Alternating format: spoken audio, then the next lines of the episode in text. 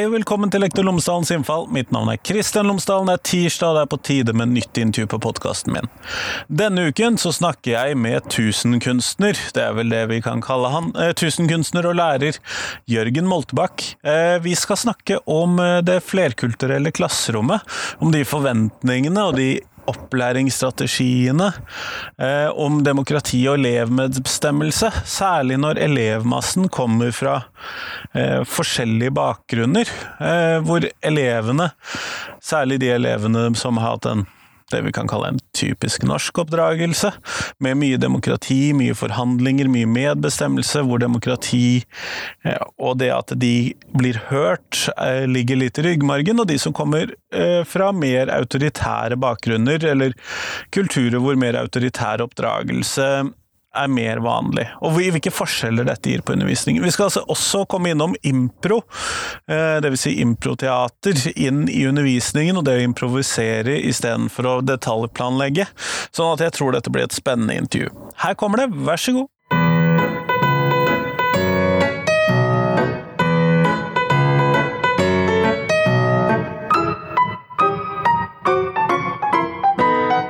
Jørgen Moltebakk, tusen takk for at jeg har fått lov til å besøke deg hjemme her nå i dag. Jo, hjertelig velkommen. Før vi starter, kan du fortelle lytterne mine tre ting om deg selv, sånn at de kan bli litt kjent med deg? Tre ting om meg selv. Eh, for det første, jeg jobber som lærer i videregående skole. Eh, på fritiden så spiller jeg improteater. Det er en stor eh, lidenskap.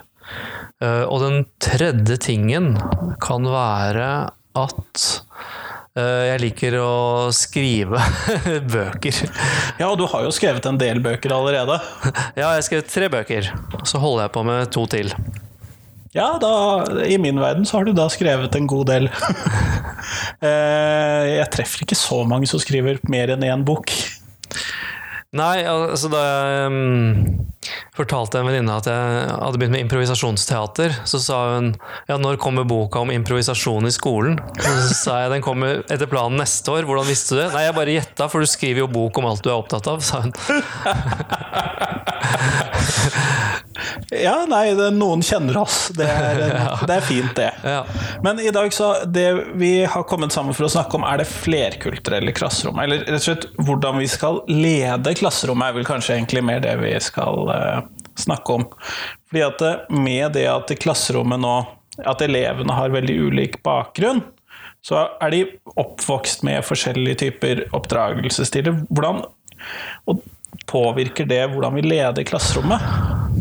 Ja, Det er jo et tema som jeg er kjempeopptatt av, fordi jeg eh, nå de siste årene har jobbet eh, på en skole med, med, et veldig flerkulturelt, stort flerkulturelt innslag, og opplever det som egentlig det nye Norge, det typiske.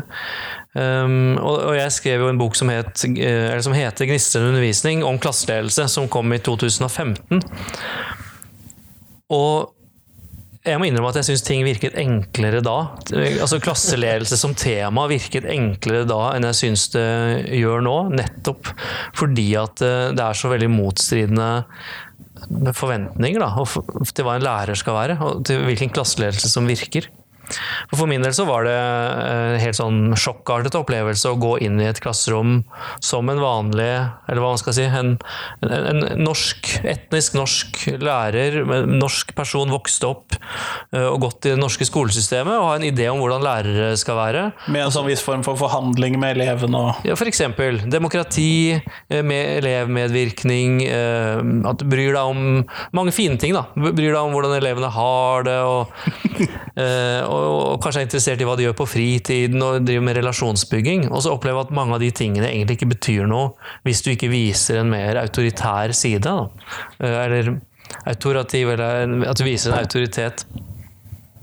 Eh, og det, det falt meg veldig eh, fremmed å skulle kaste ut elever fra klasserommet, f.eks. Husker det var en gutt som yppet og ville bli kasta ut. Jeg sånn ba nærmest om det, som en sånn maktkamp. Og jeg sa nei, jeg kaster ikke ut elever, du går i denne klassen, og det er min ansvar å undervise deg. Og noen jenter sa hvorfor kaster du ham ikke ut? Og for meg så var det en helt nytt Jo, men for meg så var det en helt ny øh, Ja, noen er jo sikkert uh, vant til det. Ikke sant? Men at det å starte opp med en ny klasse og være morsom og liksom, litt artig kar, det har jeg skjønt at det var ikke så lurt. Det prøver jeg på fremdeles. Eh, Du starter morsomt. Ja, jeg prøver å være trivelig, i hvert fall. Ja. Men hvordan, eh, hvordan føler du at du bør starte opp i et klasserom når det da har litt mer sånn blandet eh, bakgrunn i klasserommet, da? Hvordan føler du at du Nei, Det er en sånn gammel saying som jeg ikke er enig i, men som nye lærere ofte får høre, at du skal ikke smile før jul. Ikke sant? For min del så har det vært mer sånn at jeg har vært litt interessert i, i kroppsspråk, ansiktsuttrykk og førsteinntrykk. Uh, og, og første gang jeg hørte, fikk høre noen elever som beskrev sitt førsteinntrykk av meg, så sa de at jeg var skummel. Det var det første jeg hadde tenkt.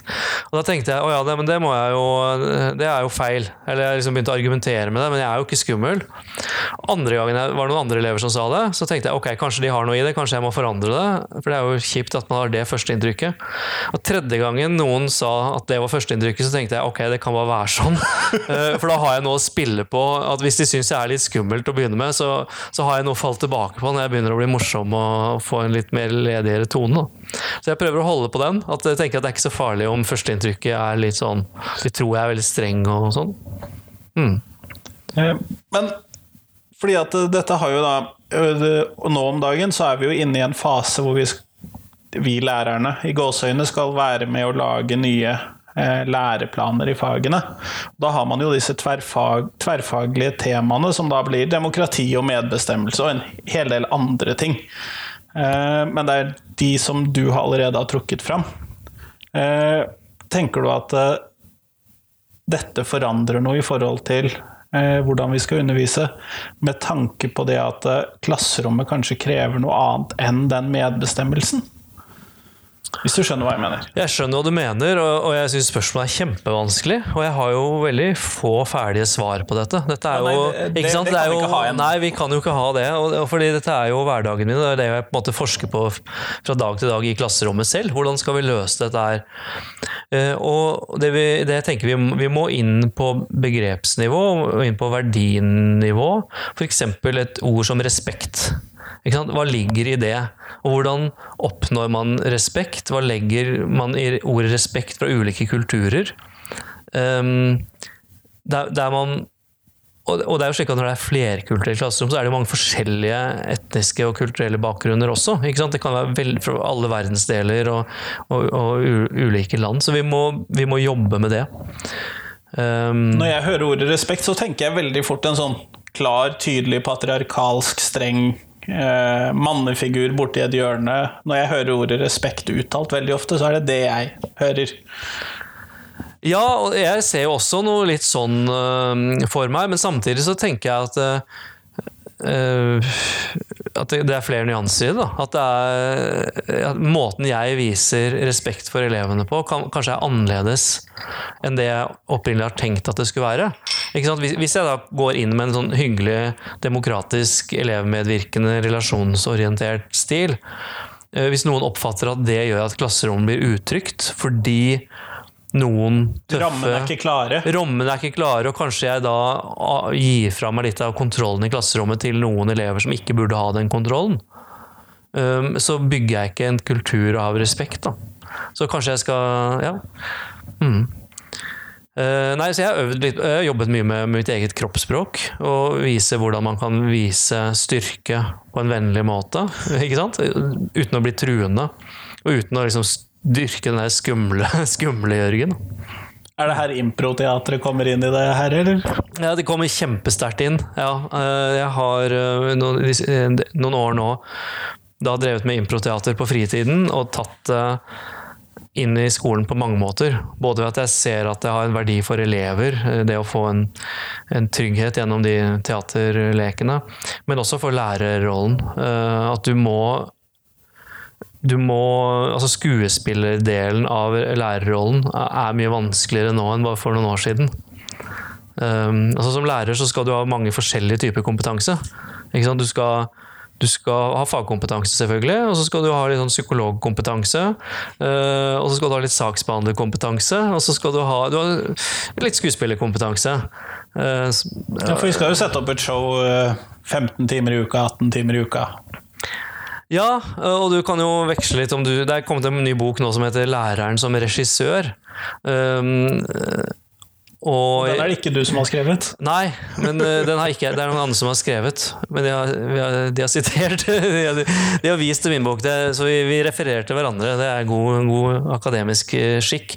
Men den, eh, jeg syns den er spennende fordi at um, vi er begge, de som har skrevet den, og jeg er enige om at læreren ikke skal være hovedperson i dette teaterstykket. Ikke sant? Vi skal mer legge til rette for læringsprosessen. Så når du sier sette opp et show, så er det ganske mange lærere som ser for seg at de er den store stjerna som gjør entré, og så holder showet. Takk for meg, mitt navn er Lomsdalen, og nå Dette var mine 45 minutter. Og nå er vi ferdige, så nå kan dere gå hjem. Nå Ja. skal dere ha lært det jeg har formidlet. Ja, ikke sant?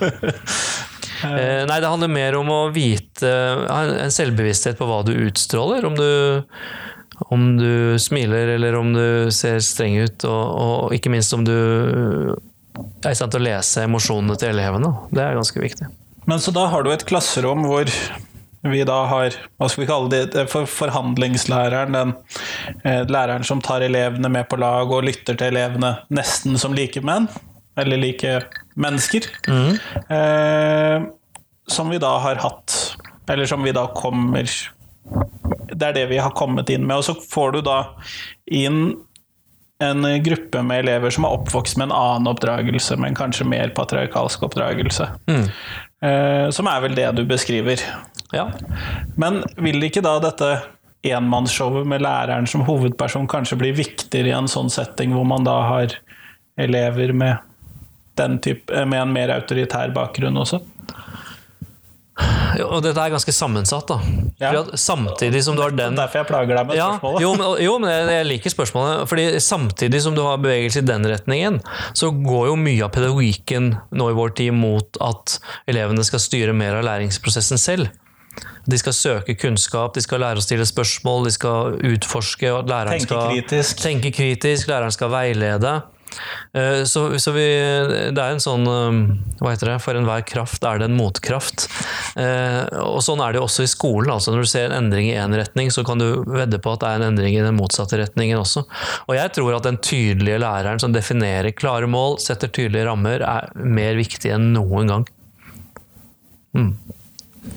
Ja, men samtidig, med de klare rammene, så må jo de da være satt på en måte som gir elevene ganske stort spillerom innenfor disse rammene, da. Hvis man da skal oppfordre til at de skal eh, drive med aktivitet, eller drive med disse selvlæringsaktivitetene, drive med disse, denne kritiske tenkningen. Ja, jeg tror det. Og, og det jeg har observert, da Og nå skal jeg ikke henge ut verken nåværende eller tidligere kolleger.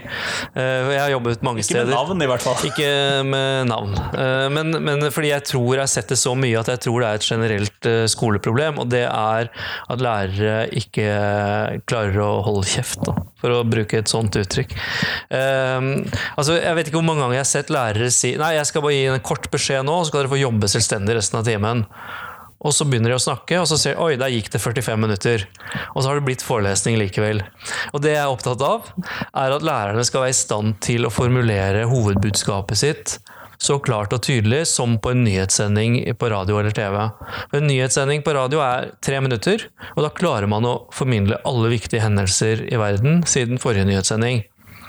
Um, og hvis en lærer klarer å ha en så tydelig oppstart at jeg bruker tre minutter på det jeg skal si, og tre minutter til slutt for å se hvor langt vi har kommet, da har du brukt seks minutter. Da har du frigjort mye tid til at elevene kan jobbe. Den der følelsen, altså Det er noe av det jeg husker best fra min egen skolegang. Det er den følelsen av å sitte sånn apatisk og se ut vinduet og høre en summing av noen som snakker. Time etter time etter time. Jeg husker det var ekorn i furuen utenfor det klasserommet. Og jeg satt og fulgte med på det. Det er helt utrolig mange Jeg har vært gjennom selv så utrolig mange timer undervisning som jeg ikke har lært noe av. da. Jeg har befunnet meg på, på skolen. Og det, sånn, jeg tror det er litt sånn fremdeles. da. Jeg husker mange timer med lommedatamaskin og Tetris. For jeg var akkurat ung nok til at den første liksom, smart-dingsen hadde kommet. Ja. Så jeg ble veldig god i Tetris i en del timer på videregående. Ja, ikke sant? Nå øh, ja, Jeg vet ikke hvor mye jeg kan si nå, men jeg tror Netflix øh, gjør det bra I skoletiden. i skole. Altså, det skjer, da. Um, og jeg må si jeg er veldig teknologipositiv. Jeg liker øh, Jeg er opptatt av edtech og liker nye teknologiske løsninger. Men samtidig så ønsker jeg meg analoge klasserom. Uh, og jeg innførte det som et sånn, testprosjekt med noen psykologielever. Neste onsdag blir det analog undervisning. Og hva er det, sa de. Og så beskrev jeg at jeg skulle, jeg skulle ikke ha PC, jeg skulle skrive med tusj på tavle, og de skulle ha penn og papir. Det er gammeldags undervisning, ikke sant? Ja, ja. Og at de heller ikke skulle ha med seg mobiltelefonene, fordi at hvis de går og sjekker dem i pausen, så visker de ut alt de har lært. ikke sant? Og onsdagen kom, og den som hadde glemt det, var jo jeg. Og de satt der. Så jeg skulle ut og rigge PC-en, og de sa skulle vi ikke ha analog undervisning? Jo, jo selvfølgelig, så jeg, og så gjemte jeg unna PC-en, og så måtte jeg jo improvisere. Da Og da kjørte vi, Det var en sånn tretimersøkt, og, og når det var tid for friminutt, så kjørte vi heller da impro-leker, teatersportleker, for å få mer energi enn at de skulle gå og sjekke mobilene. Og Det ble et sånn krav. Kan vi ikke ha sånn analog undervisning? Eh, for, for, en del av dem som da hadde sittet og skrevet for hånd en hel side hva, på spørsmålet hva har du lært så langt denne timen, så var det en helt sånn aha-opplevelse. Oi! Um, og det verste er nå, man, selv om man skulle få PC-ene, Mac-ene og mobilene ut av, av, klasserommet, så er det det at de er så nært i lomma at ja, og det bekymrer meg alvorlig med vår tids 17-18-åringer. Det, det, som bekymrer meg, er ikke de dårlige timene. De mislykkede timene, liksom.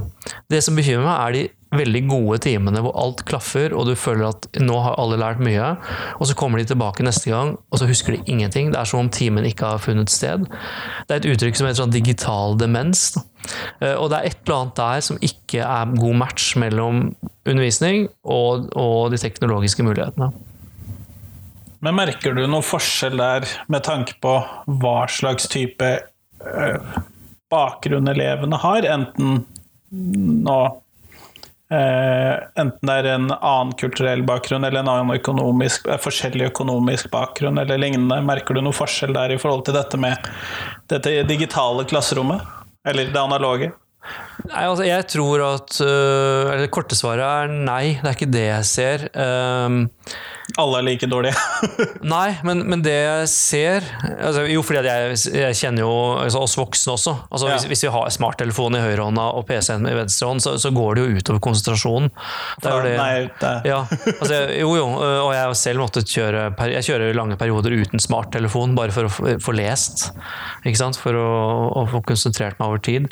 Men, men, det jeg ser når, Nå jobber jeg jo videregående, og jeg har jobbet i ungdomsskolen før. Det er at de som har innarbeidet gode vaner, gode arbeidsvaner gjennom grunnskolen, gjennom de ti årene der. Og Har evnen til å sitte og lese. Og det kan i og for seg også være på PC, at de tar unna alle distraksjoner og leser hvis de har en digital bok.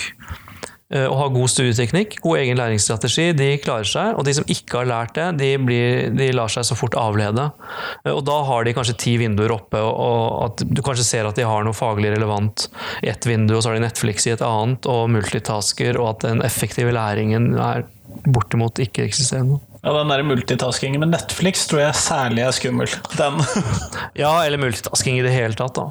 Men, eh, jo, men altså, jeg, jeg, skal ikke begi meg inn på å, å, beskrive ulike kulturelle bakgrunner, men det er jo store forskjeller. Og hvis vi skal sette det vi kan kalle den norske kulturelle bakgrunnen et eller annet sted, så er den, den er ikke den beste på noen måte. Det er eh, elever fra visse land som er kjent for å ha god arbeidsmoral, stor evne til å lære seg nye ting, ambisiøse, jobber hardt for å og kanskje få um, um, topputdanninger og sånn. Og så er det andre Så hovedpoenget er kanskje arbeidsvanene de allerede har lært seg, da? Eh, I forhold til dette her, i forhold til dette med Ja, jeg ser det veldig tydelig, fordi uh, altså Noen ville kunne si at hovedforskjellen er ambisjoner, men det syns ikke jeg det er så tydelig å se. For hvis vi, Et sted hvor jeg ser dette her, det er på muntlig eksamen. Når de får vite faget 48 timer før de skal opp, og så får de vite oppgaven 24 timer før. Eh, og det som er utrolig fascinerende, det er to ting. Det ene er å se hvor vanvittig mye noen klarer å lære seg på 48 timer. Ikke sant? Elever som åpenbart, som kanskje ikke har, har kunnet noe, de har ikke jobbet noe med det faget før eksamen og kommer inn og gjør en kjempeeksamen. Og så har du andre elever som jobber i 48 timer og kanskje jobber hardt, men som likevel møter opp og ikke kan noe særlig. Fordi de, altså de kan ha jobbet hardt og de kan ha gått utover nattesøvn, men de har ikke hatt de læringsstrategiene og din de har, bare, de har, bare, lest eller bare nipugga uten egentlig noe mål og mening, eller Ja, begynt på begynnelsen av boka, eller Ja. Det er jo lite, hva skal vi kalle det, gjennomtenkt lesning, men jeg er helt enig, jeg ser jo det stadig vekk. Men jeg har jo også sett de elevene som Hvorfor begynte jeg ikke å lese og gjøre dette godt for et halvt år siden? Da hadde jo Standpunkt sett pent ut òg. Ja. Det, det er jo litt gøy. Du har hele spekteret. Du har alt mulig av kompetanse og ambisjoner og Litt vanskelig å holde seg unna den 'I told you so', men eh, Ja. Ja, nei, men Prøv å gni det inn da, hvis de jobber godt de siste to ukene. Så, sånn som du jobbet nå i to uker, eller en uke. Hvis du begynner der i august neste skoleår, så kommer dette til å bli kjempebra. Mens det er ferskt. da. ja, det det er litt synd når vi allerede er i tredje gym, da. Det er jo der jeg stort sett har det i tredje gym. Ja. Eh, Da, har de, de, da kan de jo ikke gjøre det. Nei, men eh, mange av dem skal jo fortsette i utdanningssystemet noen år til, med høyskole og universitet. Og. Men når vi da skal legge opp en undervisning, for det er det jo da meningen når Vi får jo endelig se hva vi skal legge opp etter hvert, da, når vi får disse nye læreplanene vi skal få. Men når vi da skal legge opp en demokratiundervisning, og når vi da når dette Norske barn er jo kjent for det, eh, etnisk norske barn er jo kjent fordi at de blir oppdratt veldig demokratisk med stor sånn forhandlingsrom osv. Og, så og man beskylder jo alle foreldre for å være helikopter- og curlingforeldre osv. Eh, Men som da er vant til å ha, i hvert fall ha et ord med i laget. Og det er jo det som kanskje er det viktigste for demokratiet. Eh, og har da en viss demokratisk grunnforståelse. Men når, de da møter, når vi da skal ha de i den samme demokratiske undervisningen som de med et mer autoritært utgangspunkt, har du noen tanker om hvordan det kan kombineres oppi det hele? For dette blir jo da en ramme for det flerkulturelle klasserommet. I større grad enn i dag, tenker jeg. Når det skal være et tverrfaglig tema. Ja, altså Før jeg svarer på det, så må jeg jo si at jeg tror jo at denne forhandlingsoppdragelsen som vi i, vårt, i Norge liksom har avlet fram, har vikket litt over. Litt for langt over i en retning. Jeg hørte en historie om en sånn russebuss som hadde fått ganske alvorlige pålegg av politiet. Og Så kom politiet tilbake en uke etterpå, og så hadde de ikke gjort noe, for de sa nei, vi tenkte vi kanskje kunne gjøre en deal. Um, Gjøre en deal med politiet. Politiet, ikke sant? Ja, altså vi, det var ikke sånn det var, en, det var en sak her nå for ikke så lenge siden. Jeg tenker jeg var en dårlig idé. Jeg, eh, ja, jeg tror også det, og jeg vet ikke om det er representativt heller, men det du sier med at norske ungdommer og, og, de er vant til at det går an å, å få et ord med i laget, og Sånn at det kanskje har vippet eh, at gått litt langt i den retningen. Nei, jeg tror jo at vi må, vi må jobbe med å synliggjøre hvilke verdier hver enkelt elev har med seg inn i klasserommet. Hvilke, hvilke holdninger har hver enkelt elev? Og det behøver ikke være kulturelt basert på etnisitet, det kan jo også være familie, eh, eh, familieforhold. Eh, og, og det var en sak nå på, på ordningen med elevråd, om dette er egentlig den beste måten å, å gjøre det på. Det kan hende at man skal finne nye måter å levendegjøre skoledemokratiet på. Sånn at man hele tiden har, har disse verdiene i spill og får diskutert dem og får fram fordeler og ulemper med dem. Interessant, men hvordan tenker du at eller hvordan tenker man seg da at man skal få til denne medbestemmelsen? Nå skal ikke jeg skryte av elevrådene som en veldig sånn medbestemmende organ i skolen, for de har jo stort sett ingen makt og ingen reell påvirkning, slik som jeg oppfatter dem i hvert fall. Men hva skulle alternativet være da? Eh, Det kommer jo inn i de nye læreplanene, går jeg ut fra, med, med egne kompetansemål på det. Jeg vet Et fag som jeg har undervist i, i entreprenørskap og bedriftsutvikling, så bruker vi ungdomsbedrift som, uh, som arbeidsmetode. og Der skal de være organisert i små grupper med en leder. Uh, Og De lederne og de gruppene må diskutere hva slags lederstil her Det vi kan ha. være ganske harde samtaler, så vidt jeg har skjønt. At det, Ja, det kan være tøft fordi at noen melder seg til å bli daglig leder fordi de tror at de kan bestemme alt. Eh, For de liker å bestemme ting. ikke sant? Og så får man en, eh, og de skal jo lære om ledelse, og det er jo eh, veldig knyttet til eh, demokrati og, og, og hvordan beslutninger fattes. Eh, Men disse diskusjonene rundt disse lederstilene, eh, om hvordan disse daglige lederne skal fungere, og hvordan disse elevbedriftene skal fungere, eller andre sammenhenger i skolen, går det an å styre disse diskusjonene? Opplever du at du kan få, det, få elevene dit du vil? Da? Jeg, jeg tenker vel at jeg må iscenesette det på et vis, og så må det bare skje. Altså De prosessene i de gruppene de går sin gang, for det er en menneskelig faktor der. Eh, Som gjør at det ikke kan forutsies. Altså Jeg kan jo teorien om, om lederstiler og, og sånn, men du kan ikke basere seg, jeg kan ikke basere meg på at jeg skal forelese om det. De må erfare det, og så må man egentlig bare eh, som lærer improvisere eller tilpasse meg de situasjonene som hele tiden oppstår. Fordi at en sånn konflikt i en elevbedrift den kan jo oppstå når som helst. Jeg kan ikke forutsi når den skjer, men når den skjer, så ser jeg ok, nå, nå må vi ta en timeout her. Nå er det i den gruppen at vi har denne konflikten. Så det er en sånn balanse mellom planlegging og improvisasjon. da. Ja, men hvordan skal vi finne den balansen mellom eh, disse jeg, jeg, kjenner jo lærere som aldri lager et opplegg, og jeg kjenner lærere som eh, nesten må skrive ned hvert eneste ord de skal si i løpet av en time. Så hvordan er det vi skal Hvem er det flest av, syns du? Jeg, jeg, må innrømme at jeg spør ikke så ofte Nei. om dette spørsmålet, men jeg, jeg, heller kanskje mer mot improvisasjonen, da. Ja, akkurat. Ja, for jeg oppfatter at det å planlegge undervisning er en sånn stor dyd i skoleverket. At det er mange lærere som setter sin stolthet i det.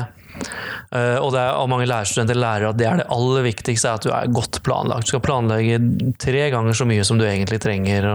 Du, her skal vi ha minutt én til to, og så minutt tre ja. til seks. Og, og, og, jeg tror det har noe for seg i en læringssituasjon. Å prøve å skrive opp og se for seg hvordan en time kan gå. Men det alle, når jeg har vært praksislærer, og har lærere fra PPU inne, det alle oppdager, er at de må fravike de planene egentlig med en gang. Jeg hadde En gang så hadde jeg en gruppe med seks praksisstudenter som skulle planlegge en dobbelttime. De brukte fire dager på å planlegge den. Og så starter de opp, og så virker ikke prosjektoren. Og så må de hive rundt på alt. Ikke sant? Og, og mange erfarne lærere smiler jo litt i skjegget av det der, fordi vi vet at sånn er skolehverdagen. At vi må tilpasse oss, og vi må endre oppleggene hele tiden. Uh, så, så jeg tror Altså jeg merker at det er liksom to forskjellige reaksjoner, apropos det du sier om de to lærertypene. Når jeg sier at man skal planlegge mindre og improvisere mer, så er det noen som sier ja, men det gjør jeg, jeg er en erfaren lærer, jeg vet det. Og så er det de som blir provosert. Liksom, planleggingen min, den skal du ikke få ta fra meg. Og så er spørsmålet ok, hva er problemet med planlegging? Er ikke planlegging bare bra? Er det ikke helt fantastisk hvis du har planlagt absolutt alt? Og jeg tror Problemet med planlegging er at du blir så full av dine egne planer at du går glipp av masse informasjon i klasserommet. Og jeg har opplevd så mange ganger lærere som har kommet tilbake fra veldig godt planlagte timer, og som er kjempeskuffa. Ikke sant? Jeg hadde planlagt et gruppearbeid, og så skulle det være en powerpoint, og så skulle de gjøre, lage noe artig og sånn. Og dette var jo gull!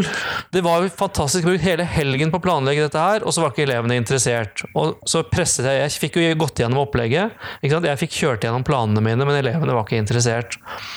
Eh, og det er synd at det er veldig mye eh, god undervisning som aldri blir noe av, da, fordi at læreren er mye mer opptatt av å gjennomføre det som er planlagt, enn å tilpasse seg den aktuelle situasjonen og improvisere.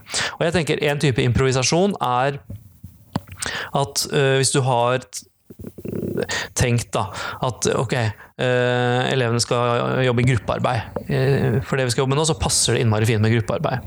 Og Så kommer de inn fra time, og så skjønner du at her har det vært slåssing i friminuttet. Eh, og noen som griner, og ekstremt høyt energinivå. Og hvis du observerer det, så tror jeg at en erfaren lærer, eller en, en improviserende lærer, vil ganske raskt bestemme seg for å droppe ideen med gruppearbeid og si sett dere én og én, og nå skal vi skrive litt i begynnelsen av timen. For da får du justert energinivået dit det skal være. Eller motsatt. Hvis du har tenkt at nå skal vi skrive, og du merker at de, oh, de er så slappe. Nå er de så trøtte. det er et eller annet, Kanskje de har hatt en matteprøve timen før og er helt utladet. eller noe sånt. Og du ser det og senser det. Her er energinivået for lavt. Ok, dere, nå skal vi ha gruppearbeid. Og den kan du ikke sitte hjemme og planlegge på forhånd. Den, du, den, beslutningen må du ta i øyeblikket, basert på alt det som er til stede akkurat i det øyeblikket. Er dette noe som du har praktisert hele tiden, eller er dette noe som har kommet over tid? Sånn, dette synet på planlegging versus improvisasjon i klasserommet?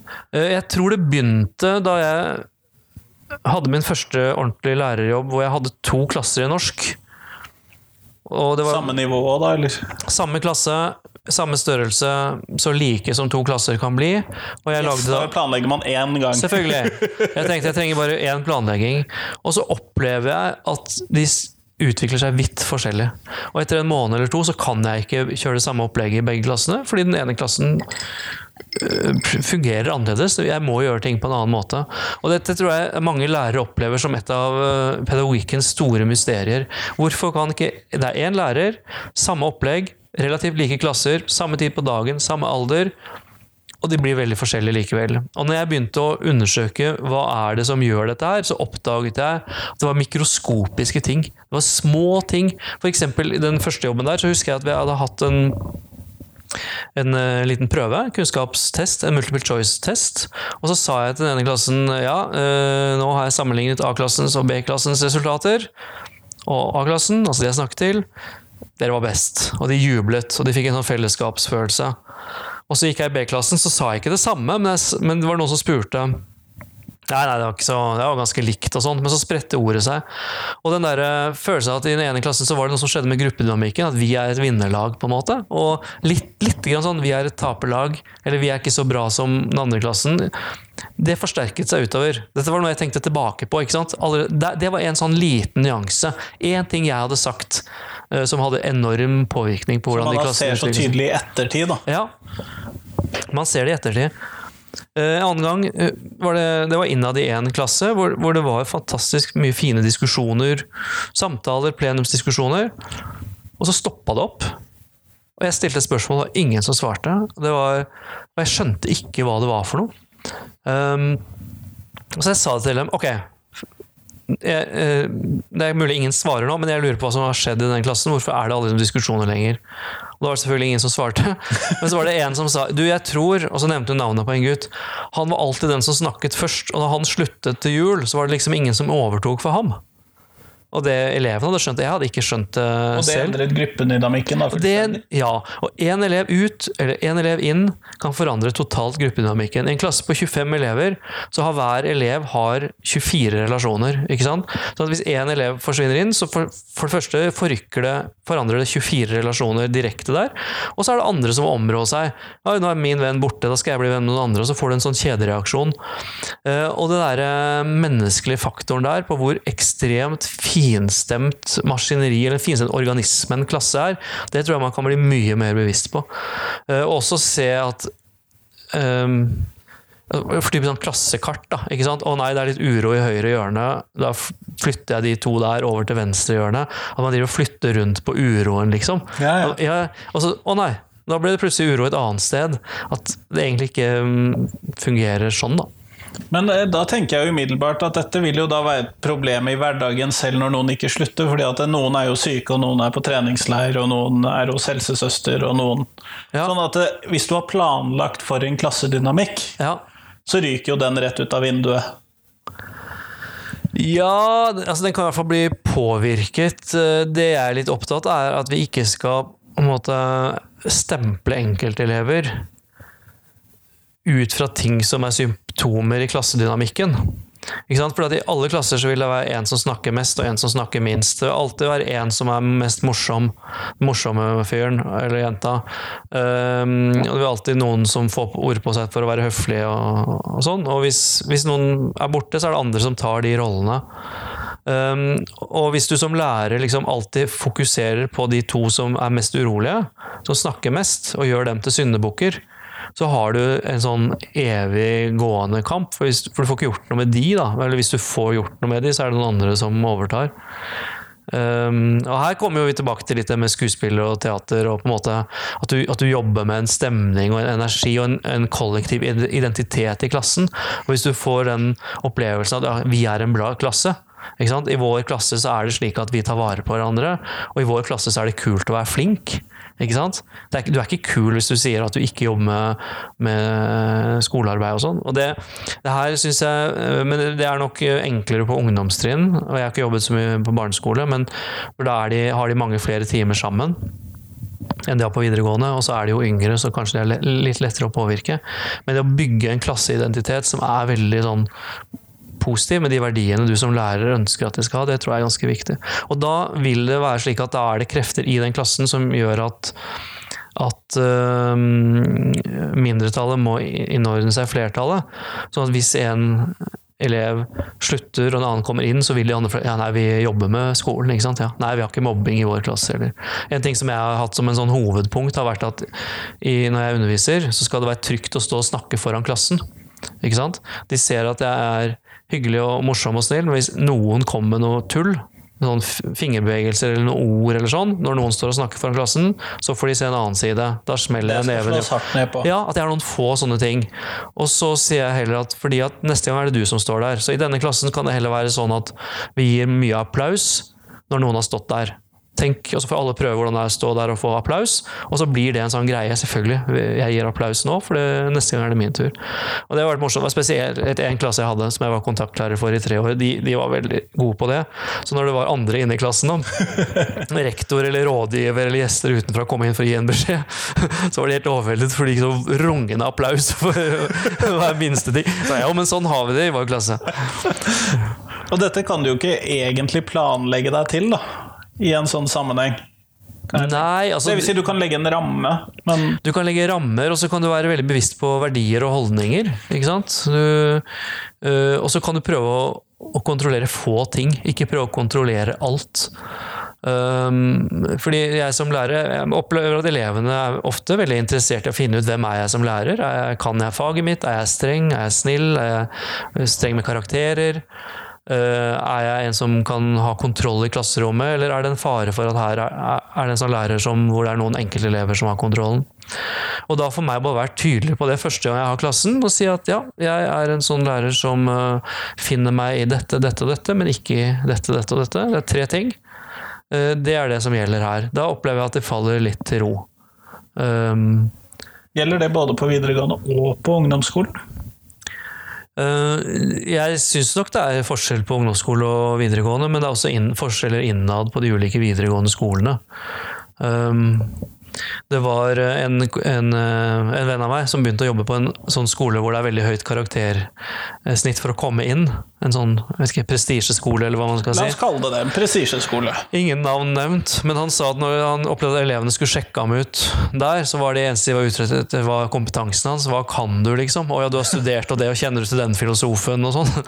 Eh, mens, an- mens, ja, mens andre steder så vil testingen gå på ja, Får jeg anmerkning hvis jeg, hvis jeg går, går ut av timen nå, eller er det Hva gjør du hvis jeg viser fingeren til deg? Ja, for eksempel.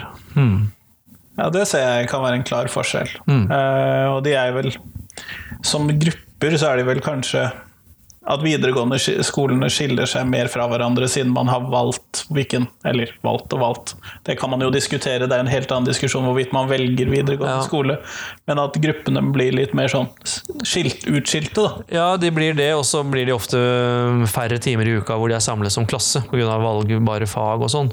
Og jeg tenker jo at med den grunnskolen vi har i Norge nå, så er det en ganske fin ting med enhetsskolen og fellesskolen at fram til du er 15-16, så går du sammen med, med andre barn, helt uavhengig av foreldrenes økonomiske status, øh, kulturelle, religiøse uh, sider. Så det, det syns jeg er veldig fint.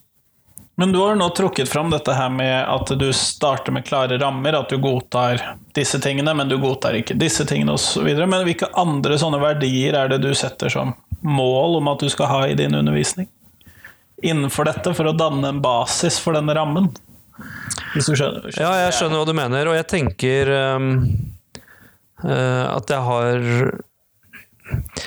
at det er ekstremt viktig at alle lærere er bevisst på akkurat det. Hvilke verdigrunnlag er det jeg underviser ut fra? Hvilke menneskesyn har jeg? Og en ting som er ekstremt viktig for meg, og som jeg syns er litt vanskelig, det, det er en sånn jeg mener at vi alle har, og de aller fleste har, en humanistisk grunnholdning til at mennesket har verdi i seg selv. Eh, Men skolen er, nå skal jeg bruke et sterkt ord, skolen er infisert av en sånn forbedringstrang.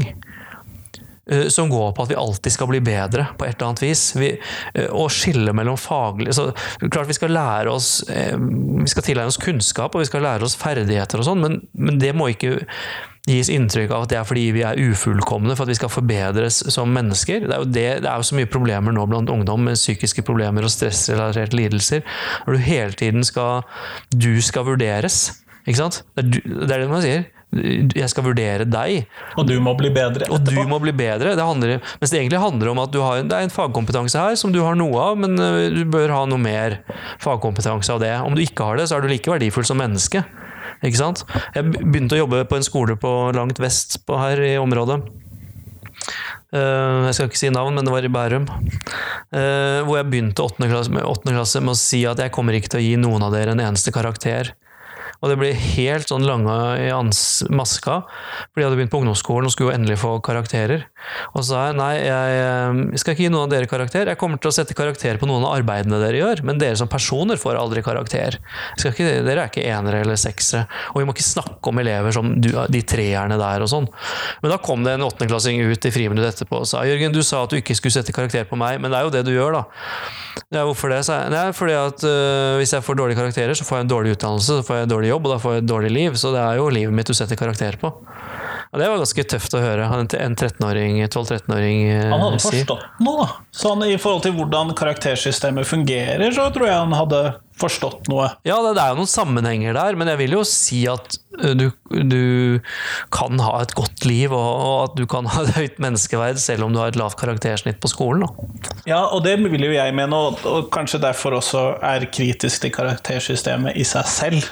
Ja. Uh, jeg syns jo det er ganske imponerende av denne 13-åringen å i hvert fall se den problematiske siden ved karaktersystemet. Ja, det kan du si. Det syns jo jeg er litt interessant. Ja, det er det. Eh, men hvis vi skal ta oss og gå mot slutten av podkasten, så har jeg lyst til å stille deg et spørsmål. Og det var du som kom opp med ideen til spørsmålet også, så jeg syns jo dette er kjempegøy å få stille spørsmålet til deg. Og det er hvis du skulle ta oss og lage et nytt fag i skolen, og hvis du skulle fylle det med et innhold, hva skulle faget være, og hva skulle det hete? Eller nei, hva skulle det inneholde, og hva skulle det hete?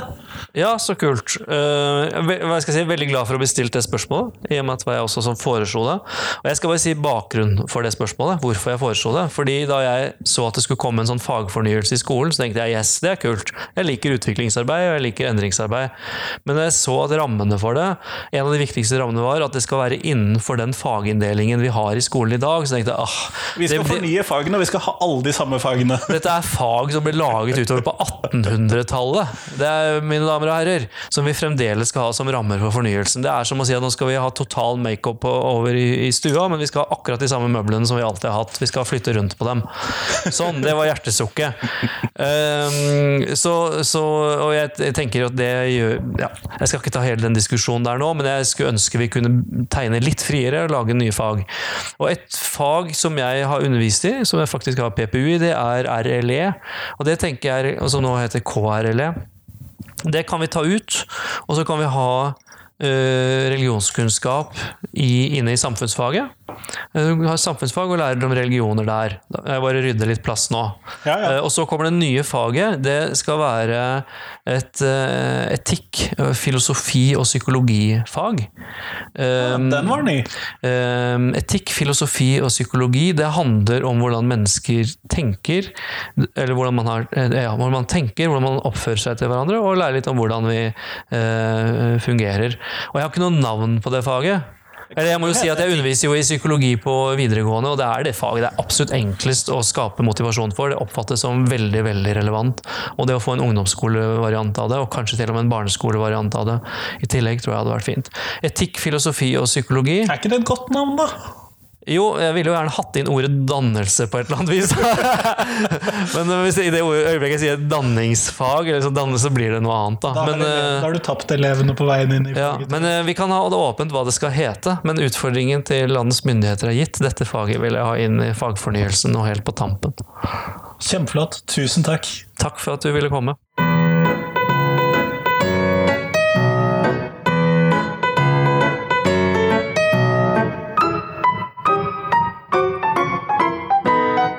Tusen takk til Jørgen, og tusen takk til deg som hørte på. Nå er det en uke til neste intervju på podkasten, og jeg håper at i mellomtiden så kan du hjelpe meg å spre podkasten. Enten du deler den med noen, eller poster på Facebook, eller eh, forteller noen som trenger en ny podkast om podkasten min. Eller du kan sende meg noen tips til hvem jeg skal snakke med. Jeg har linet opp noen intervjuer for høsten, men jeg trenger alltid litt mer hjelp for å få dette helt i mål. Men i hvert fall, fram til neste gang, ha en fin uke. Hei, hei!